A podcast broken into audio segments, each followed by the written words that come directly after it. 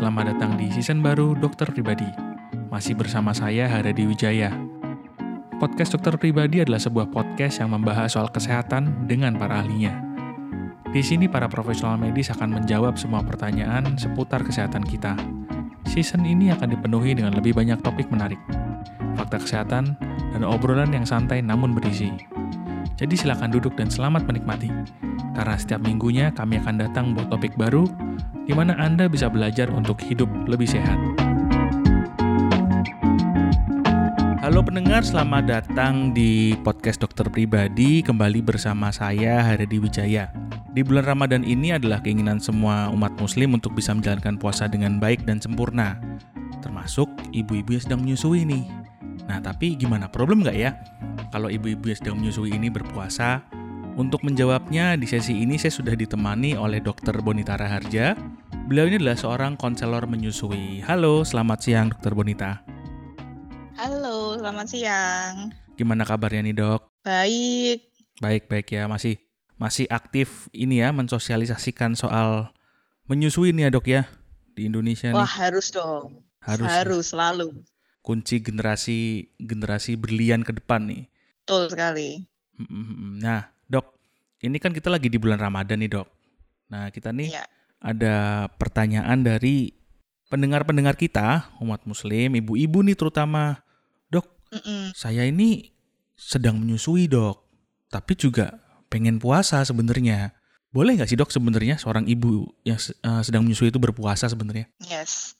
Oke, jadi pertanyaan ini menurut saya adalah pertanyaan seksi setiap tahun ya. Iya, betul, betul. Jadi di mana setiap kali di bulan Ramadan kita menyambut bulan Ramadan pasti akan selalu ada pertanyaan seperti ini. Mm-mm. Nah, yang menarik sebenarnya begini, menurut eh, beberapa penelitian nanti saya juga akan jelaskan sedikit ya, mungkin nggak jelaskan sih sharing lah ya. Mm-mm. Jadi ternyata sebenarnya penelitian dan eh, apa ya istilah kata research itu sudah sangat banyak mengenai menyusui kualitas ASI, volume. ASI, supply ASI terhadap ibu-ibu yang berpuasa. Mm-mm. Karena sebenarnya kita tahu bahwa puasa itu nggak cuman puasa agama, ya kan? Ada Iya. puasa life, eh, lifestyle misalnya, Iya. yang intermittent fasting misalnya atau banyak lah. Nah sebenarnya eh, di semua agama ternyata ada eh, memang ada aturan-aturan untuk berpuasa. Mm-mm. Mayoritas dari agama-agama tersebut kita sebut eh, sekarang memang kita Muslim apa yang eh, dominan Muslim ya di Ya. Indonesia ya.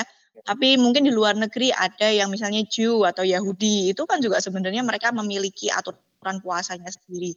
Namun satu hal yang menarik buat saya adalah ketika mempelajari tentang puasa-puasa dalam agama-agama tersebut, ternyata banyak sekali yang seperti surat atau seperti aturan agamanya itu menga- mengatakan bahwa menyusui itu juga merupakan kewajiban agama. Itu Hmm. satu yang perlu digarisbawahi. Mm-mm. Mm-mm. Nah, yang kedua, jadi semua eh, aturan-aturan puasa sebenarnya memperbolehkan untuk ibu menyusui untuk meringankan puasanya atau justru tidak perlu puasa atau perlu hanya perlu menggantikan misalnya kalau sekarang di Indonesia eh, di Muslim Mm-mm. ada yang namanya misalnya fidyah Mm-mm. atau banyak hal lah itu nanti apa terminologinya bisa bertanya kepada guru-guru agamanya masing-masing tapi satu hal yang menarik adalah eh, karena menyusui dianggap sebagai kewajiban agama juga Mhm. dan itu juga eh, istilah katanya apa ya benar-benar wajib yang tertinggi lah itu kayak nilainya tuh udah value-nya tinggi banget Yep, jika yep. seorang ibu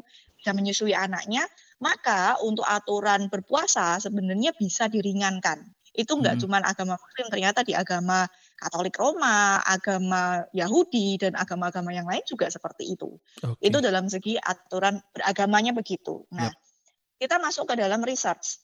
Eh, sebenarnya kan selalu ditanyakan begini, "Eh, tapi dok, aku kepingin banget puasa karena kalau nggak puasa tuh kayak nggak afdol gitu kan. Iya, iya, iya. nah sebenarnya berpengaruh nggak sih dok?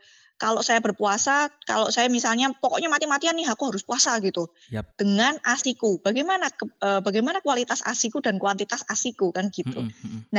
Banyak sekali penelitian-penelitian mengenai itu. Kita sebut ada penelitian di Afrika, kita sebut penelitian di Israel, penelitian banyak sekali penelitian di luar di luar negeri bahwa menyatakan eh, intinya ya poin poin besarnya adalah begini. ketika seorang ibu melakukan short term fasting atau puasa jarak pendek dengan masih mengkonsumsi minum, hmm. sebenarnya tidak bersinggungan sama sekali, baik kualitas ataupun kuantitas ASI ketika okay. seorang ibu menyusui berpuasa. Hmm. Tapi masih ada intake cairan yang masuk hmm. dalam short term puasa. Short term puasa tuh gimana dok? Sebenarnya misalnya seperti yang sekarang dilakukan oleh umat muslim hmm. dari uh, ada buka, uh, apa sahurnya ya, sampai nanti berbuka lagi uh, jam 6 sore misalnya kurang lebih seperti itu. Itu sebenarnya masuknya masuknya di short. Tapi kalau misalnya puasanya ditambah tanpa minum, -hmm. itu dari beberapa penelitian dilakukan bahwa untuk volume ASI tidak bermasalah, -hmm. tidak apa ya, tidak berubah secara signifikan, namun mikronutrien seperti zinc, magnesium itu mungkin saja berubah. Jadi pertanyaannya, ah, dok nanti berarti gimana dong? Apakah aku masih bisa berpuasa jika aku ya. masih memang mau mau berpuasa?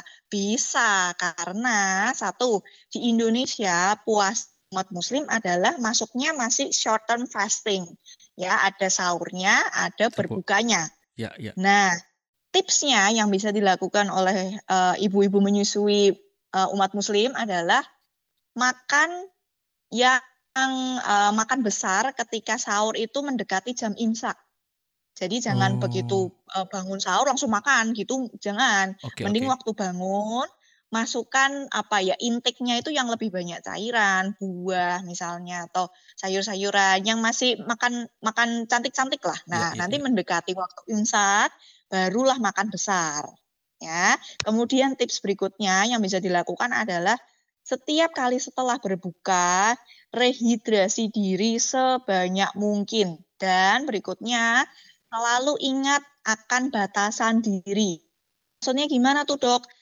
Nah, seperti yang tadi sudah pertama kali saya sharing bahwa sebenarnya kan menyusui kewajiban agama yang terutama ya. Yep. Jadi kalau misalnya dengan berpuasa ternyata membuat uh, misalnya jadi dehidrasi katakan atau terus kemudian jadi wah nggak nggak bisa banget terus mungkin hmm malah eh, kuantitas asinya jadi mungkin saja bisa jadi berkurang karena dehidrasi tersebut. Mm-hmm. Ya, saya rasa sih bisa kok ditanyakan kepada keluarga pertama, kedua mm-hmm. bisa kok ditanyakan kepada uh, apa ya kepada guru-guru agamanya gitu loh. Gimana saya caranya untuk mengganti puasa saya yang kemarin misalnya uh, saya uh, apa ya meringankan karena kan ada menyusui yeah, iya, misalnya. Yeah, yeah, yeah. Itu.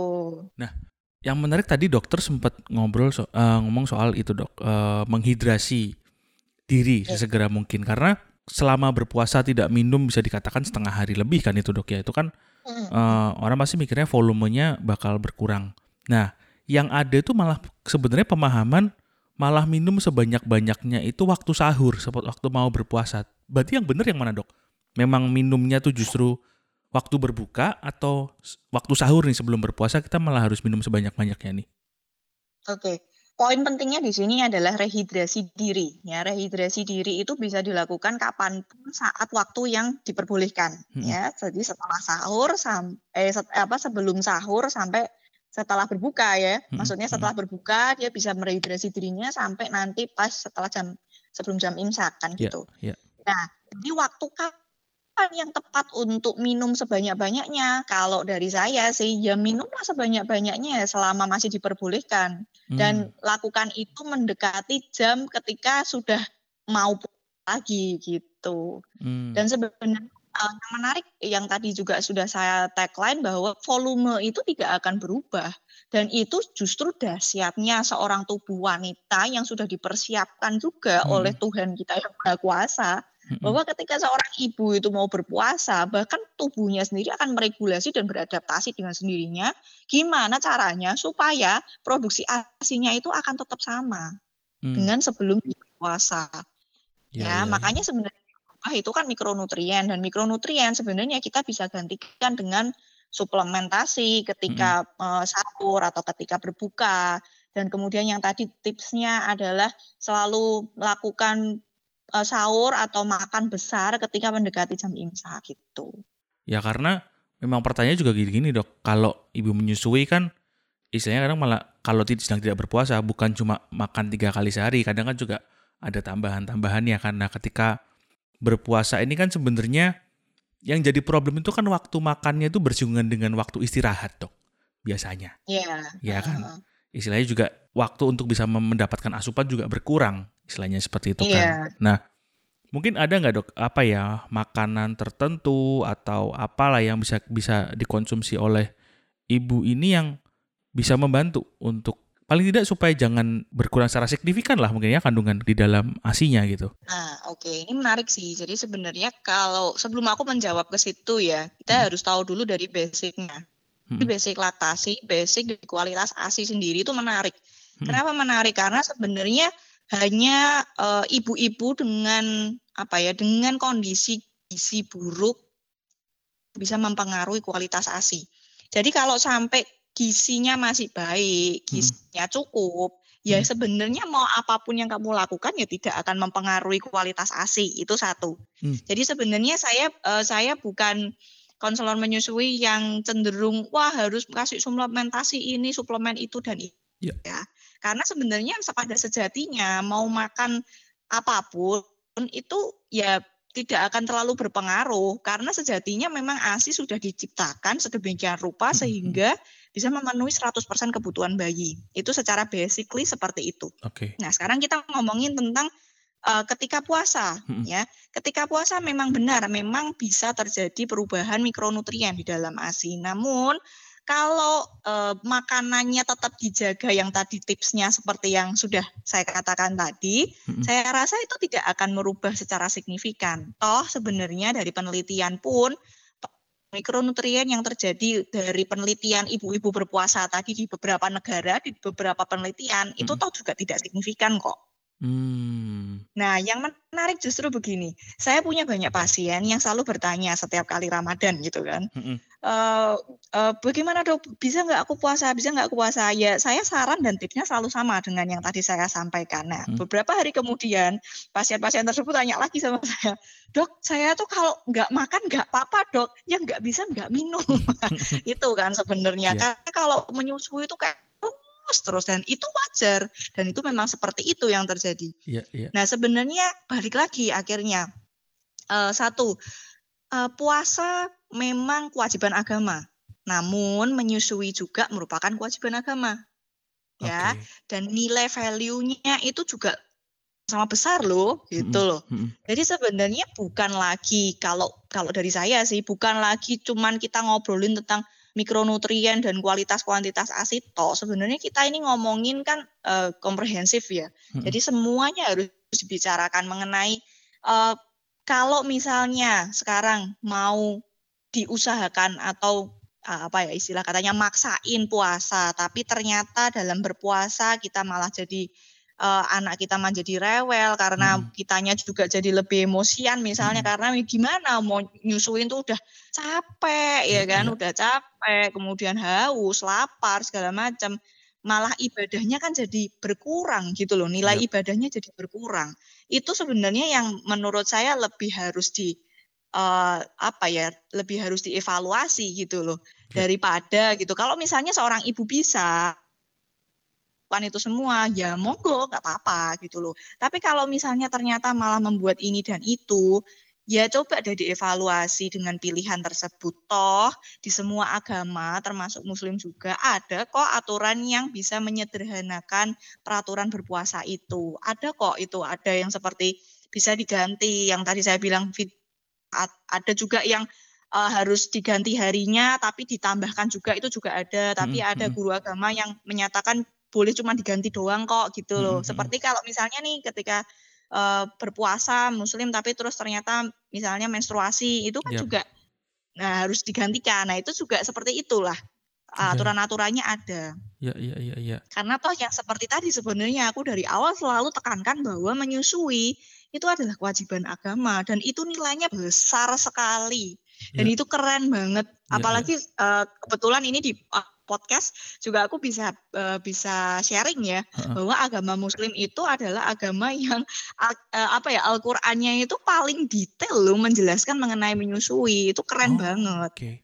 Nah, okay. itu itu ada lima surat yang benar-benar ah itu benar-benar yang apa ya harus menyatakan bahwa menyusui itu harus berapa lama, terus harus bagaimana caranya yang harus yang di apa ya yang di Allah tuh bagaimana? Itu ada semua. Makanya itu sebenarnya keren banget sih. Ya ya dan misalnya jadi itu menyusui itu adalah ibadah. yang pasti ya. Nah itu ibadah yang ter terutama itu begitu. Ya ya ya terutama ya. itu menyusuinya gitu loh. Ya, jadi ya.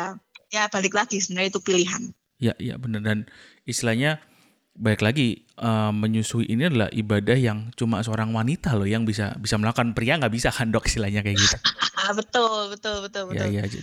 Betul banget dan saya balik lagi uh, sebagai seorang ibu ketika memiliki seorang anak mungkin memang yang jadi prioritas pasti anak lah saya sebenarnya dari prioritasnya kan pasti anak keinginan untuk berpuasa itu adalah bagus tapi istilahnya jangan lupa juga bahwa kesehatan juga harus dijaga untuk untuk kesehatan anaknya karena masih menyusui kan. Iya gitu. Betul. Nah, karena menyusui ini juga adalah ibadah gitu kan, berarti uh, para para ayah dan suami ini kan juga harus mendukung ibadah istrinya ya sebenarnya kalau saya boleh bilang Betul. apa ya yang bisa kita para pria ini lakukan untuk membantu terutama di di bulan puasa ini dok istilahnya mungkin ya untuk untuk apa mungkin membantu ibu-ibu biar biar lebih nyaman istilahnya biar biar mereka juga tetap bisa dengan nyaman menyusui sebenarnya kan karena ini kan proses yang harusnya asik ya dibawa dengan dengan dengan senang ya bukan sebagai beban gitu loh. Iya betul. Nah ini memang dari dulu selalu saya tekankan. Jadi ini berdua berarti ngasuhnya berdua kan selalu begitu. Yeah, yeah. Berarti berdua itu artinya apa? Harus ada komunikasi dua arah yang tepat dan efektif di antara mereka. Hmm. Dan itu juga berlaku ketika uh, terjadi, maksudnya seperti ini di bulan Ramadan. Apa yang bisa dilakukan seorang suami untuk me, apa ya, me, melancarkan ibadah istrinya? Ya hmm. Ya tentu saja hmm. berkomunikasi. Komunikasinya apa, dok? Komunikasikanlah. Apakah uh, yang tadi saya bilang kuat nggak, misalnya? Yep. Misalnya yang biasanya kan untuk ibu-ibu uh, yang mau berpuasa pertama pertama kali misalnya pertama kali lagi nyusuin tapi pertama kali juga bulan Ramadan gimana nih? Nah itu kan bisa dikomunikasikan dulu. Pertama dikomunikasikan aku kuat gak kira-kira? Kamu kuat gak mah? gitu kan. Nah misalnya kalau oh aku mau coba nih aku mau coba ya ya gitu. Oke kalau mau coba yang penting tipsnya selalu di uh, yang tadi udah di sharingkan ya itu dilakukan gitu. Suami kan juga bisa berperan dalam misalnya udah mau sa apa sahur nih, ya suaminya nanti bilang, yuk um, nanti jangan lupa ya makannya nanti aja kalau udah mau deket-deket nih supaya hmm. kamu uh, laparnya laparnya nggak cepet-cepet gitu kan, hmm. atau misalnya mempersiapkan buah atau mempersiapkan makanan atau mempersiapkan apa ya seke, cuman sekedar hiburan sekedar yuk kamu bisa kamu bisa itu aja tuh sudah banyak membantu sebenarnya okay. atau ketika seorang ibu merasa bahwa uh, merasa bahwa oh, kayaknya aku nggak kayaknya aku nggak kuat deh kayaknya aku nggak kuat.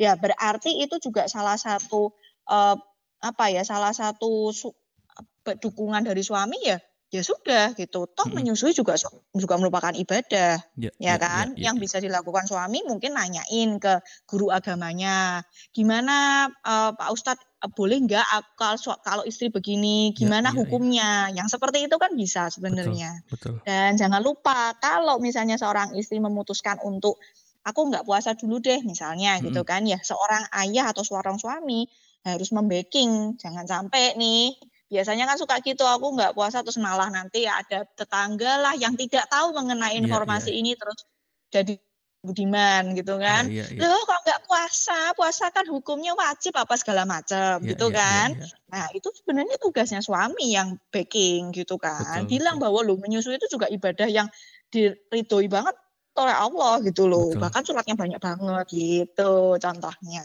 betul betul bener-bener sih memang istilahnya ya di posisi ini ya harus mensupport 100% ya dok ya. Betul, karena, betul, betul, betul. Karena kan ya tadi yang yang dibutuhkan bukan cuman makanannya, bukan cuman asupannya, tapi uh, kenyataannya menyusui di bulan puasa ini dukungan moralnya juga butuh double nih. Istilahnya Iya, betul, betul, ya, betul, ya, betul. Ya, ya. Banget sih, karena kan memang secara apa ya secara skillnya juga juga 80% kok keberhasilan ibu menyusui itu di tangan pasangannya. 80% ya, ya dok ya?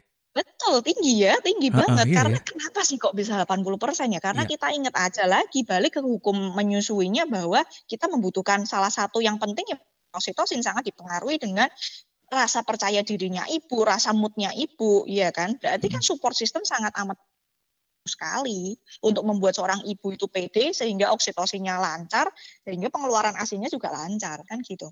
I see. Kembali ya ini walaupun episodenya tulisannya soal menyusui tapi ini mohon kalau ibu-ibu didengarkan sama bapak-bapaknya biar info yang Nah, dua menit terakhir ini pada dengerin ini. 80% Betul. ternyata perannya bapak-bapak ya. Ya, ya. Betul, betul, betul. Saya juga setiap kali apa ya, setiap kali saya praktek, saya selalu ngomong sama pasien saya. Lain kali kalau datang konsul, bawa suaminya, bawa mertuanya, bawa ibunya. Mm, mm, mm, mm. Karena makanya, makanya kenapa namanya kami itu adalah konselor, karena kami bertugasnya konseling. Konseling kalau bisa ya sama keluarga semua, gitu. Yang perlu digarisbawahi satu, bahwa puasa itu adalah kewajiban agama, menyusui pun juga kewajiban agama. Jadi harus benar-benar dikomunikasikan antar keluarga eh, apa yang harus dipilih ya. Toh Oke. aturan agamanya masing-masing ada. Kemudian berikutnya ingat bahwa usia bayi 0 sampai 6 bulan mereka itu hanya membutuhkan ASI. Jadi ketika Hmm. eh, bayi-bayi yang ASI eksklusif yang Hmm. mendapatkan ASI tok til nggak pakai embel-embel air putih madu dan kawan-kawannya itu artinya seorang ibu menyusui harus benar-benar meyakinkan diri eh, apakah bisa dilakukan puasanya gitu Hmm. loh. Karena ingat bayi-bayi Anda-Anda ini benar-benar hanya menerima nutrisinya ya cuman dari kalian gitu loh. Mm, mm, mm, mm. Jadi kalau misalnya ada kebingungan, ada kegalauan, "Oh, tapi kan aku harus puasa, tapi anakku masih kurang dari enam bulan, apa yang harus kulakukan? Balik lagi ke poin pertama bahwa menyusui juga kewajiban agama yang nilainya juga tinggi sekali di mata Tuhan. Gitu. Yap, yap, yap, yap, benar, benar, benar. Dan ini istilahnya ibadah yang sama-sama ibadah, apalagi ibadah yang ini tanggungannya bukan cuma ke diri sendiri, tapi ada juga si anak ini Yes. kan. Ya, Nah ya. itu loh, dan kita benar-benar seorang ibu menyusui itu tanggung jawabnya itu bebannya cukup besar karena ya ASI itu adalah investasi pertama dan utama dan yang terbaik yang bisa diberikan seorang ibu kepada anaknya gitu. Jadi itu harus selalu diingat. Iya, iya, iya. Ini bapaknya juga nginget-nginget ya, investasi pertama loh, Pak. Nah, betul, betul. Ya, iya, iya. Oke deh, oke kalau gitu. Mungkin kira-kira begitu Dokter Unita. Ya. Banyak banget yang tadi apa ya saripatinya yang kita udah dapat. Semoga membantu, semoga bermanfaat. Ya. Ya, ya, semoga bermanfaat. Yang paling penting juga modal untuk sharing ke teman-teman ibu menyusui yang lain. Betul sekali, betul. Oke, sampai Oke. berjumpa lagi di sesi selanjutnya. Ye, terima kasih. Terima kasih untuk sudah mendengarkan sesi ini. Jika Anda menyukai podcast ini, silakan follow di Spotify ataupun Apple Podcast. Dan jangan lupa follow akun sosial media kami untuk info-info kesehatan yang kami share setiap harinya. Untuk Instagram, kami ada di @dokter.pribadi.official dan untuk Twitter, kami ada di @dokterpodcast. Sampai bertemu di sesi-sesi selanjutnya.